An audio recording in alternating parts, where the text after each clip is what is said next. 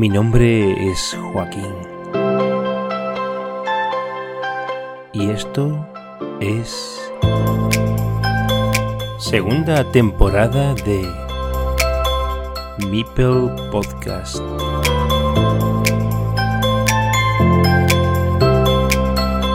Welcome to Carcassonne.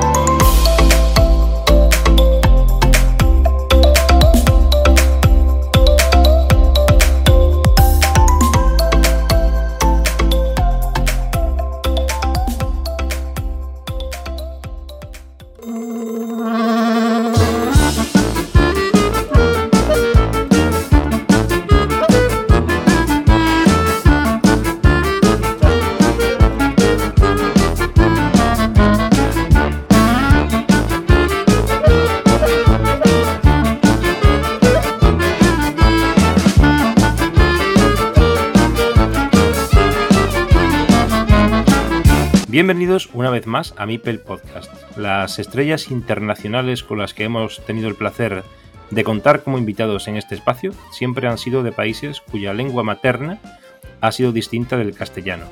Hoy traemos a alguien que habla español, un ex campeón de, de su país y también integrante de uno de los colectivos que se postula entre los que organizan el Mundial Online por equipos de Carcassonne campeón de México en 2018 y en la primera ocasión que lo jugó, e integrante de esa selección.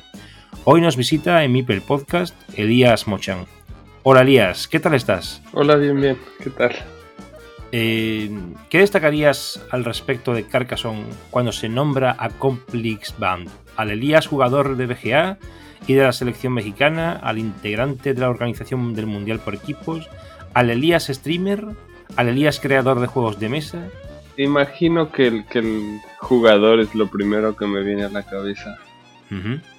Pero pues todo, realmente. Estuviste, estuviste en el canal de Twitch del compañero Javier, apodado Frank Carretilla, en un espacio nuevo que se llamó Meeple Wars. O Meeple Wars. Eh, creo que fue divertido, pero comentaste algunas cosas en las que me gustaría profundizar aún más. El tema, por ejemplo, del nick.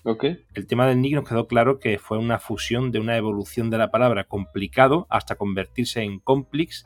Y la parte relacionada con tu hobby de cómics, o por lo menos cuando eras joven, y el tema de los superhéroes, pues con, eh, donde sumas villanos y héroes, mm, la V and H, que sería mm, villanos y héroes, ¿no?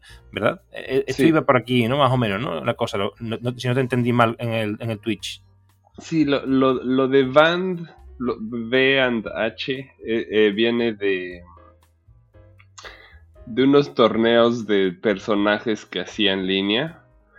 Eh, terminé haciendo una página de WordPress para, para hacer ahí los torneos y que quedara registro histórico de, de quién peleó contra quién y quién ganó. Y entonces le puse torneos. Eran torneos de héroes y villanos, entonces fue torneos Band. Porque es B de villanos, H de héroes, y no quería que sonara VIH por el virus del SIDA. Sí, es verdad, lo recuerdo. Recuerdo ese comentario que hiciste, efectivamente. O al revés, lo de héroes y villanos y salía todavía peor. Sí, lo recuerdo. Sí, H y B, da igual. Sí, sí, sí, sí. Pero nombré antes la cuestión de la creación de juegos de mesa y no sé exactamente si han sido solo videojuegos y eso es lo a lo que te dedicas a lo mejor también, en parte, o si se trata de juegos de mesa. Y si fuera el caso, ¿cuáles han sido tus, tus creaciones? Se trata más de juegos de mesa que de videojuegos. También he participado en videojuegos, pero em, me considero más diseñador de juegos de mesa que de videojuegos, aunque la verdad es que no he publicado ninguno. Empecé a hacer juegos desde que estaba en primaria, como desde los 10 años más o menos. Hice un juego de cartas coleccionables estilo Magic the Gathering eh, que bueno, ese fue mi primer juego, entonces es muy complicado. Son como. Cuando eh, me tardé en escribir las reglas, cuando las escribí fueron como 14 páginas de reglas, que son demasiadas para mi gusto. Eh, después, mi papá tenía un libro de la editorial Klutz de juegos clásicos donde venía Mancala, Vagamon, eh, Damas Inglesas, eh, otro juego parecido a Damas 15 juegos clásicos. Ahorita mencioné los más famosos, pero también hay unos más, más oscuros. Y ahí le empecé a agarrar el gusto a, los juegos de mesa y empecé a hacer mis propios juegos que igual eran abstractos, eh, ya con reglas sencillas, pero pues sí, eh, juegos uno contra uno en un tablero cuadriculado con poquitas reglas. Me recuerda eh, eso de las 14 páginas a los juegos de rol, ¿no? Que son casi libros para leerse antes de empezar a jugar, ¿no? Sí. Juegos de rol nunca, nunca he hecho. Tampoco he una vez jugué Calabozos y Dragones con mis primos, con mi primo cuando tenía yo como 11 años y, y no he vuelto a jugar desde entonces, la verdad.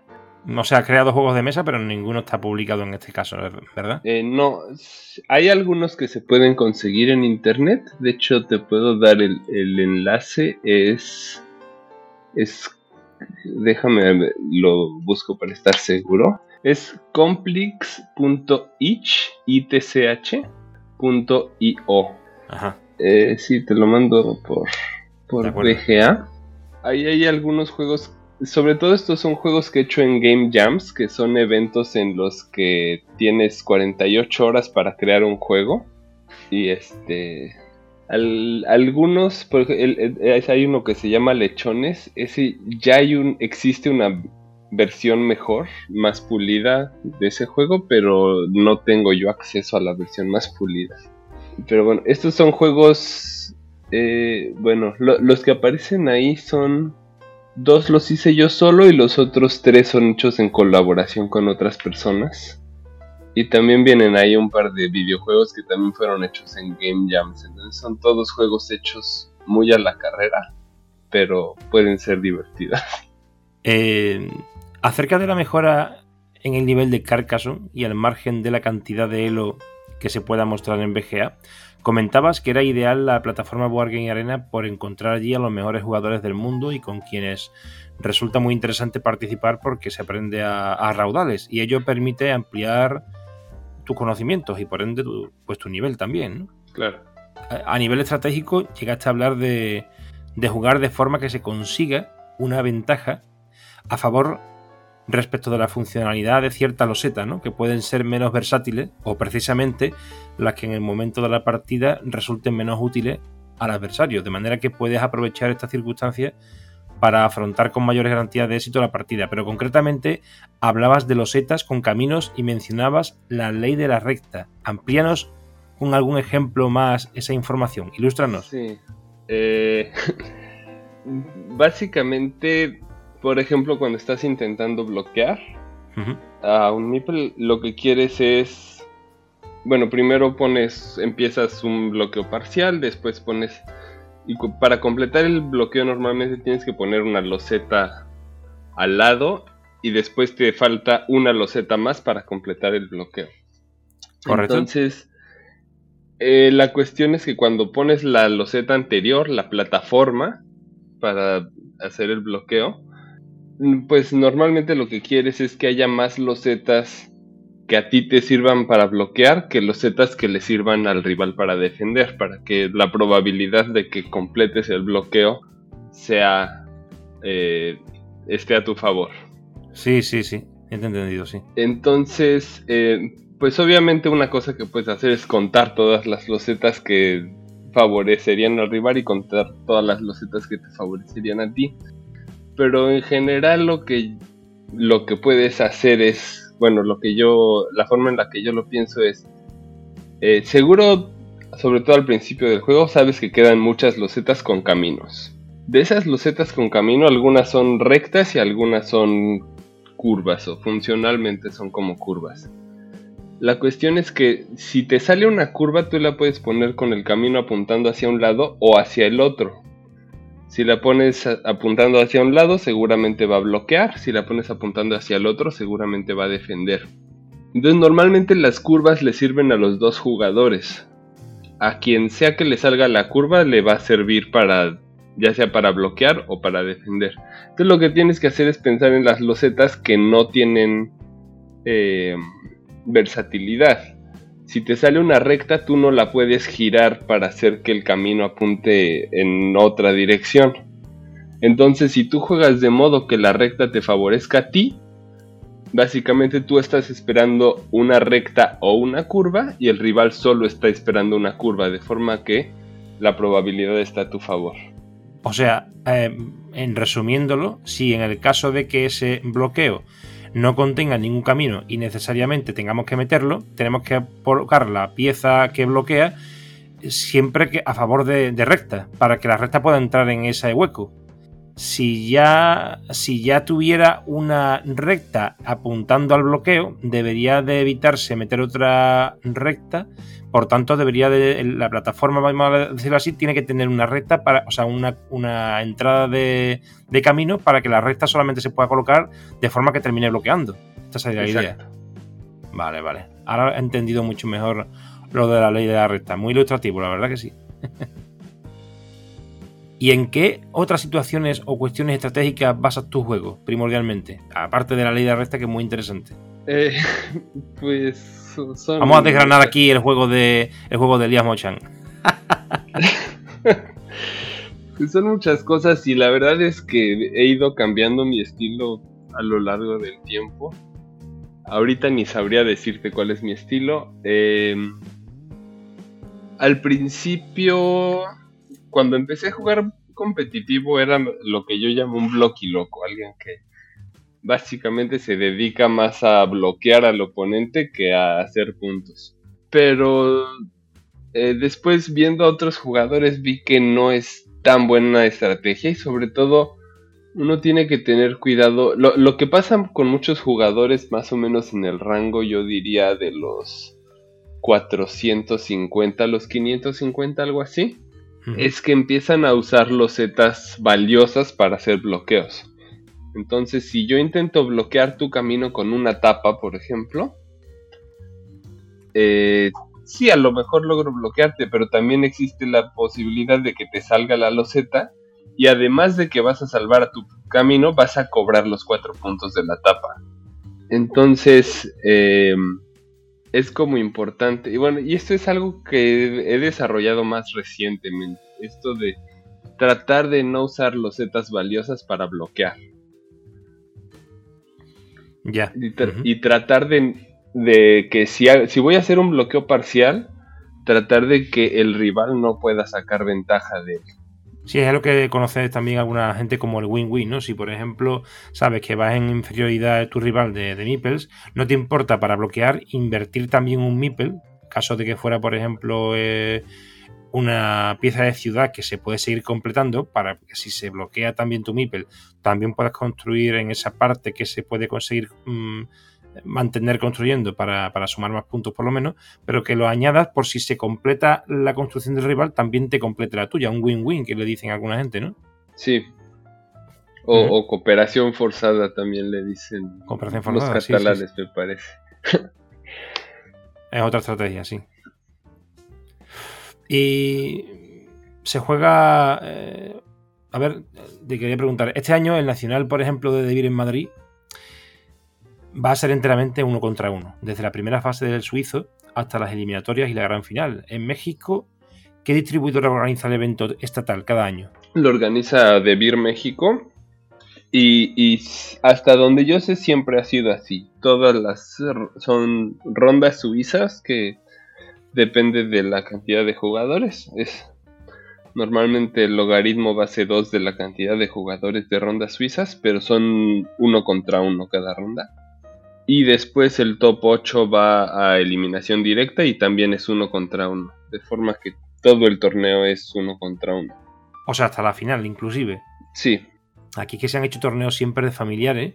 Y el último evento eh, presencial, si no tengo mal entendido, se mezclaba el hecho de que se jugaba las fases de, eh, de lo que sería el suizo también por grupos, a cuatro, y después la parte playoff ya era uno, pero también la final era cuatro, o sea, una cosa muy rara. Siendo la misma editorial, siendo la misma editorial, en este caso es de ¿cómo crees posible que en un lugar y en otro tengan criterios diferentes para afrontar un clasificatorio de mismo nivel que, al final va a ser para clasificarse para, el Mundial Individual de Essen? ¿Cómo es posible esto?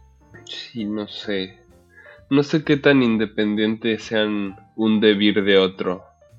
Sí, porque al final supongo que, que no dependerán el uno del otro, ¿no? bueno, pues aquí lo organiza Debir México.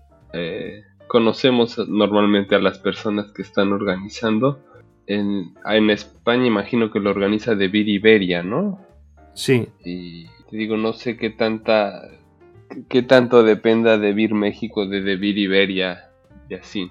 Pero sí, eh, en México pues siempre, hasta donde yo sé, siempre ha sido todo el torneo uno contra uno.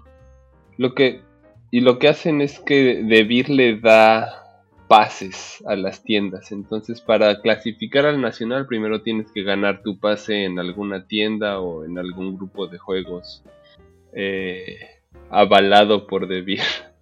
Sí, esto sí es igual aquí en, España, en este caso, y supongo que se, será extrapolable a cualquier, a cualquier evento eh, nacional de cualquier país. Pero en el caso de Debir, por ejemplo, que te preguntaba cuál era la editorial, lo, refería porque estaba casi seguro que era de vídeo, evidentemente, por, por el habla eh, eh, hispana, pero, sí. pero quería concretarlo en ese sentido porque allí, por ejemplo, se hace siempre de esa manera que comentas, tal como se hace en Essen, con independencia de que después se utilicen roje o no, pero aquí en España esto que se ha hecho hasta ahora era muy criticado por la por la bueno por, por la afición de Carcassonne y por fin este año se va a implementar. Y me parecía muy curioso la comparación porque es también de pero supongo que son oficinas o departamentos independientes y cada uno pues afronta eh, con un criterio distinto eh, esta, esta, clasificación para ese. Pero sí creo que es importante que sea uno contra uno porque jugar Carcassonne de 3, 4 jugadores es, es un juego completamente distinto. Sí, efectivamente. Sí, la, verdad es que yo ni, ni me ni, me sentiría capaz de competir si tuviera que jugar eh, juegos de cuatro jugadores yo. Aquí lo que van a pasar este año en España son 16 jugadores desde el, desde suizo y se van a jugar 5 rondas. Yo creo que vosotros habéis jugado 6 rondas de suizo, pero para que pasen 8, ¿verdad? Sí, sí, normalmente son del orden de 30 entre 30 y 40 jugadores en el nacional. Entonces se juegan 5 o 6 rondas y después este el top 8 juega eliminación directa. Es curioso porque a partir de 32 jugadores se puede jugar 6 rondas perfectamente, efectivamente.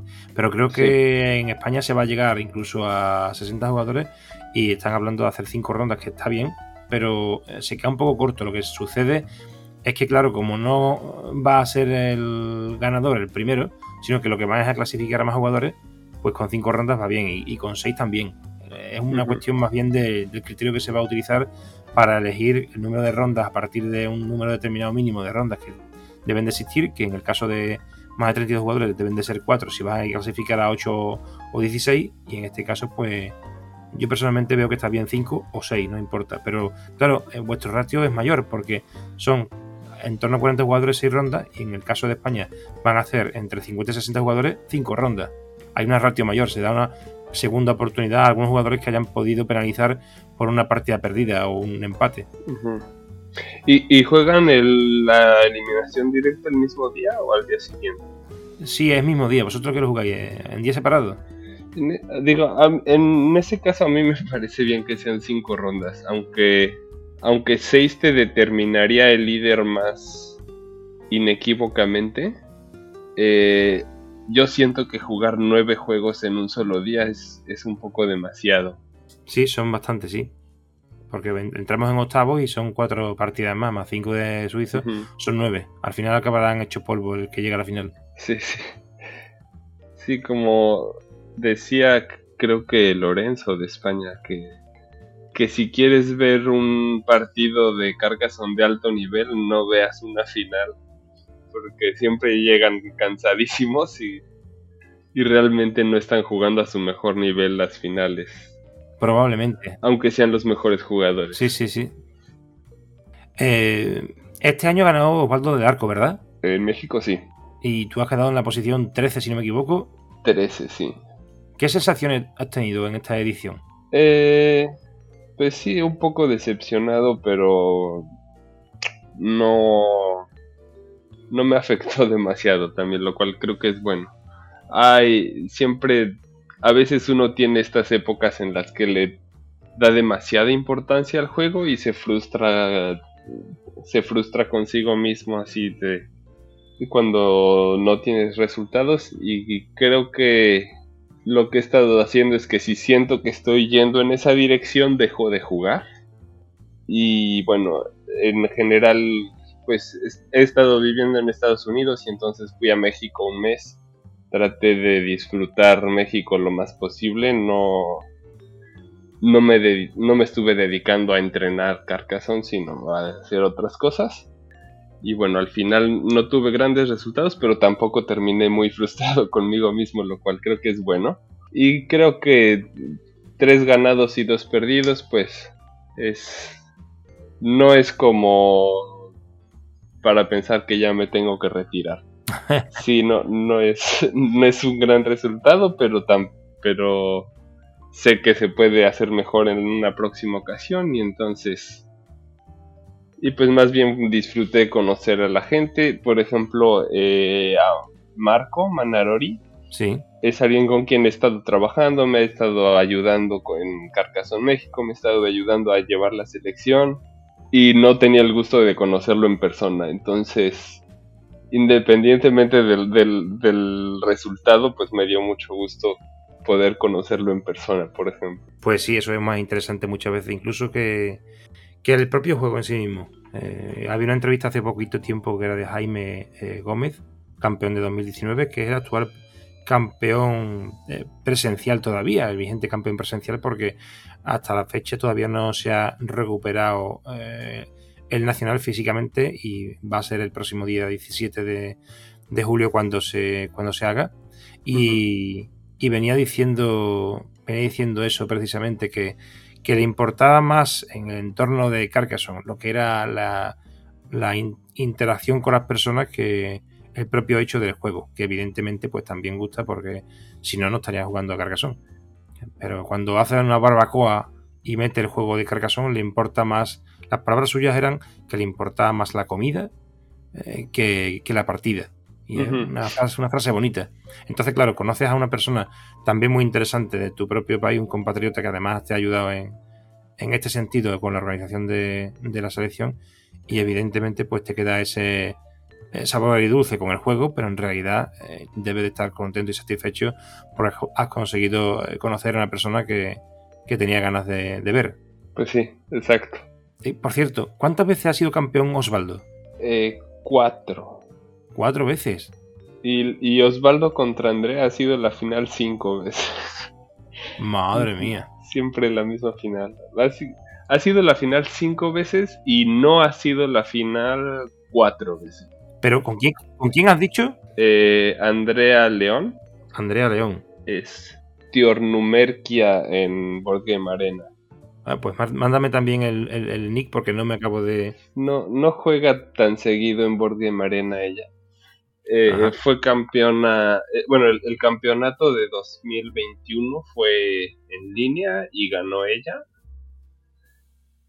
Y ella también ganó en 2016 en la final contra Osvaldo. Te iba a preguntar si hay alguna, alguna web donde se pueda obtener la información acerca de los eventos de los últimos años, porque es una cosa que he buscado y no lo he encontrado por ningún sitio. Uy, eh, no, no, no, no podría, no sabría decirte. Eh, la página que hicimos de Carcassonne México está bastante abandonada ahorita y la, la de Debir no tiene un registro histórico. Puedes encontrar en algún lado el registro de los nacionales al menos, pero no, no sé bien dónde.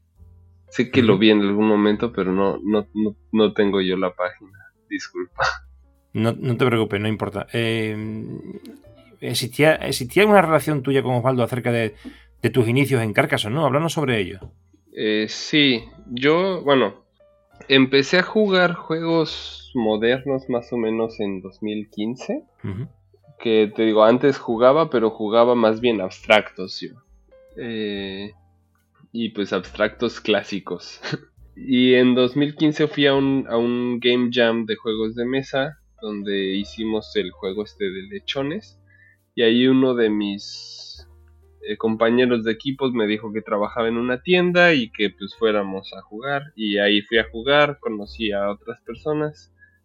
Ahí conocí a Osvaldo y eventualmente hubo una oferta en, en la App Store de Google donde estaba con descuento en la aplicación de Carcassonne de Asmodi y entonces la bajé y puse en Facebook que pues quería quería entrenar a ver si, si, alguien quería jugar conmigo y ahí fue donde me retó Osvaldo y ahí empecé a jugar con él. Y la primera vez me bloqueó todos mis meeples con 10 puntos o algo así y, ahí fue cuando empecé a jugar competitivo y él y tenía algo que llamaban la Academia de Academia Mexicana de Catán y Carcassonne algo así que pues de vez en cuando juntaban gente en alguna tienda o algún o en una biblioteca y ahí te daban como tips de, de cómo jugar. Entonces ahí fue cuando empecé a jugar competitivo yo. Esto fue ya como 2017 y en 2018 fue el nacional y, y, me tocó jugar contra Osvaldo la final. Fue la primera vez que le gané a Osvaldo justo la final del Nacional. O sea, cuando te proclamaste campeón, le ganaste en la final a Osvaldo del Arco. Sí. Mm. Bueno, muy interesante. Y, hay, hay video de esa final y en efecto puedes ver que hay muchos errores por cansancio. En algún momento cierro un camino de tres puntos y decido no tomarlo porque no me di cuenta que había cerrado un camino de tres puntos. por ejemplo. Eh, sin embargo, gané por dos puntos, entonces no fue, no determinó el resultado ese error, pero sí, sí hay varios errores. Y, creo que él también cometió errores por cansancio. Al final hizo una jugada muy arriesgada que, según entiendo lo hizo porque contó mal las curvas, pensó que quedaban dos y solamente quedaba una. Y entonces pues era una jugada que le daba el juego con 50% de probabilidad. Pero pues no le salió el volado. Y, y realmente tenía mejores jugadas, pero pensó que tenía mejores probabilidades de las que en verdad tenía. Oye, precisamente el evento de este año ha coincidido poco más o menos con el, con el encuentro de ronda previa del Mundial por equipos en el que os enfrentabais a Estados Unidos. ¿Cuánto ha podido influir esta coincidencia en el calendario en la derrota que cosechasteis tan contundente de 5 a 0? Eh, no, no creo que mucho creo que, bueno, el juego contra Estados Unidos nos... Digo, no quiero poner muchos pretextos realmente, pero eh, nos costó mucho trabajo encontrar un horario. Era una semana en la que yo tenía una boda que asistir y otro compañero también tenía una boda que asistir. Y tenía básicamente tenía cinco jugadores exactos que podían jugar. Entonces eh, fue un poco difícil acomodarnos. Y bueno, al final pues es el... pues ellos jugaron mejor que nosotros y por eso nos ganaron. Eh, sí, no, no, no culparía los resultados del Nacional realmente. De todas maneras, todos los jugadores de la selección eh, de ese día jugaron el Nacional también, o no tiene nada que ver. Eh, no, jugamos cinco jugadores de la selección estuvieron en el Nacional, eh, los otros tres no. Eh, de los nueve jugadores, bueno, dos estaban en otro país de plano, no estaban en México el día del Nacional, y uno de ellos, no sé si solo no fue a ningún clasificatorio o por qué no calificó. Y una más, según yo sí tenía pase, pero no pudo ir. No sé bien por qué. Y bueno, de los otros, eh, dos nos quedamos en el camino y dos llega y tres llegaron al a, cuartos de final, incluso a semifinales. Bueno, tenéis un buen eh, un buen grupo de, de jugadores de, México. ¿Quién crees tú que son los mejores jugadores de, ese listado que me estabas nombrando? Aparte de Osvaldo del Arco, evidentemente, Andrea León y Marco Mandarori también. Aunque Marco Mandarori se, se postula más como, como un streamer, ¿no? De Carcassonne, ¿no? Más que como un gran jugador, ¿no? Eh, bueno, yo creo que es de los mejores jugadores que hay también. Ahorita él quedó, perdió en la semifinal contra Osvaldo. Llegó a, quedó en tercer lugar. Eh, y Lichi da Killer, Lidio, ¿cómo se apellida? Creo que se apellida Gutiérrez. Él también quedó en, también llegó a la semifinal. Eh, y bueno, hay un par de jugadores que no estuvieron este año en la selección, más por más que por nivel, por cuestión de disponibilidad, eh, que también pues han mostrado bastante buen nivel. Eh, Ángel Miguel, creo que es Miguel Ángel Islas. También él quedó, perdió en la cuartos de final contra Andrea. También tuvo muy buen campeonato nacional. Eh, Samuel Lino, él no ha estado en la selección, pero también le fue bastante bien en este nacional. Quedó, quedó en octavo lugar. Hay varios jugadores que, que están, es, sí los he tenido en consideración, no han podido eh, acompañar básicamente por disponibilidad, te digo. Si voy a jugar un campeonato donde tengo que jugar contra europeos y no pueden jugar en fin de semana, es muy difícil que eh, poder que, que, jueguen, entonces... Obviamente, sí, claro. Eh, este episodio se publicará con posterioridad a, la finalización del, Mundial por equipos online de Carcassonne y quería preguntarte cuál es tu apuesta. ¿Cuál crees que, será el equipo ganador de la final? La verdad no sé. Eh, no, no, he, no he hecho mi quinela. En este momento queda Japón contra RSP y China contra Portugal. Portugal no lo he podido ver sé que, sé que les ha ido muy bien, pero no, he podido ver sus juegos, entonces, no sé. China me parece que viene sorprendentemente fuerte. Y Japón me ha sorprendido. Yo sé que suena un poco ridículo que el bicampeón me sorprenda, pero lo que pasa es que Japón cambió casi a todos los jugadores. Creo que solo tienen uno o dos de las ediciones pasadas. Y que sigan ganando tan fuerte me parece bastante sorprendente.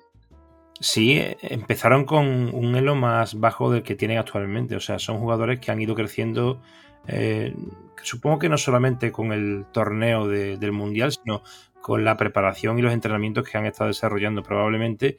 Y creo que lo bonito de, de Japón, como comentaba en uno de los episodios, concretamente, si no recuerdo mal, con el del con el del sorteo y, eh, o el siguiente, eh, pues la verdad que el relevo generacional de, de, competición que tienen en la selección, pues la verdad que es muy interesante, ¿no? Entonces, se van dos campeones del mundo individual del equipo y, y campeones mundiales también online para dejar paso a, a, jóvenes promesas. La verdad que esa, eso es difícil verlo en, otra, en otras selecciones. Sí, totalmente. Y pues sí, a mí me ha sorprendido mucho el desempeño de Japón. Eh, sí estaba consciente que tienen más jugadores y, todavía hay jugadores como Rabbit Rain que no ha estado en la selección y sabemos que hay son jugadores japoneses que pueden ganarle absolutamente a quien sea. Eh, pero sí, he platicado un poco con Coco Traps, que, ¿cómo se llama en la realidad? No me acuerdo. Koichi. Sí, creo que sí. Koichi Ogawa. Él eh, tiene un como club de Carcassonne. No sé si has visto que hay un montón de jugadores japoneses que dicen algo Traps. Puede ser, sí, sí, sí, porque pertenecen a un grupo, ¿no? Traps es como una, ah, como una organización donde entrenan Carcassonne me dice que son más de 50 jugadores. Tienen su página. He jugado amistosos contra ellos tanto con México como con mi equipo de Birds of a Feather, que es un equipo que tengo que juega en el campeonato brasileño. Eh, y sí, o sea, es una comunidad impresionante que tiene más de 50 jugadores de Carcassonne y, organizan eventos todo el tiempo, tienen amistosos contra otros equipos, contra países. Y pues de ahí han sacado varios de los jugadores que meten a la selección. Ahorita tienen a Momo Traps, creo. Coco es de los que estuvo en los años pasados y ahorita no está jugando, aunque según entiendo sí está como de asesor, digamos. Eh, tienen allí a Janoki 41 Traps y Momo Traps, pero hay alguno más. Así que lo que tú comentas de la organización, efectivamente. Eh, por último, preguntarte en qué situación online te encuentras más cómodo, Elías, en BGA o en aplicación de Asmode, ya sea para PC o para dispositivo móvil. Eh, no, me gusta más BGA eh, al principio me, bueno, empecé jugando en la, en la aplicación de Asmodi y al principio me gustaba más porque sentía, la, aplicación de Asmodi tiene una como vista isométrica le llaman, que se ve más como se vería en una mesa, ¿no? Se ve como de lado. Sí. Pero finalmente me acostumbré más al, al la vista desde arriba que tienes en Bortiem Arena y juego con la con el arte viejo. También me acomoda mucho más el arte viejo que el arte nuevo. Sí, lo que le llaman C1, C2 o C3, ¿no? En este caso C1, ¿no? La, la versión original del, juego. Sí. Y bueno, ¿qué juego te llevarías a una isla desierta si solo pudieras escoger uno? Uf, para jugar con cuánta gente, más, cuántas personas hay en la isla desierta. Pongamos dos posibilidades. Vas tú solo, o te encuentras que no hay nadie en la isla, o bueno, puedes elegir eh, el número de personas, no sé, dos, tres. Eh, no sé. En el caso de que vayas solo, ¿qué, elegirías? Es, eh, en el caso de que vaya solo, pues tendría que llevarme algún solitario.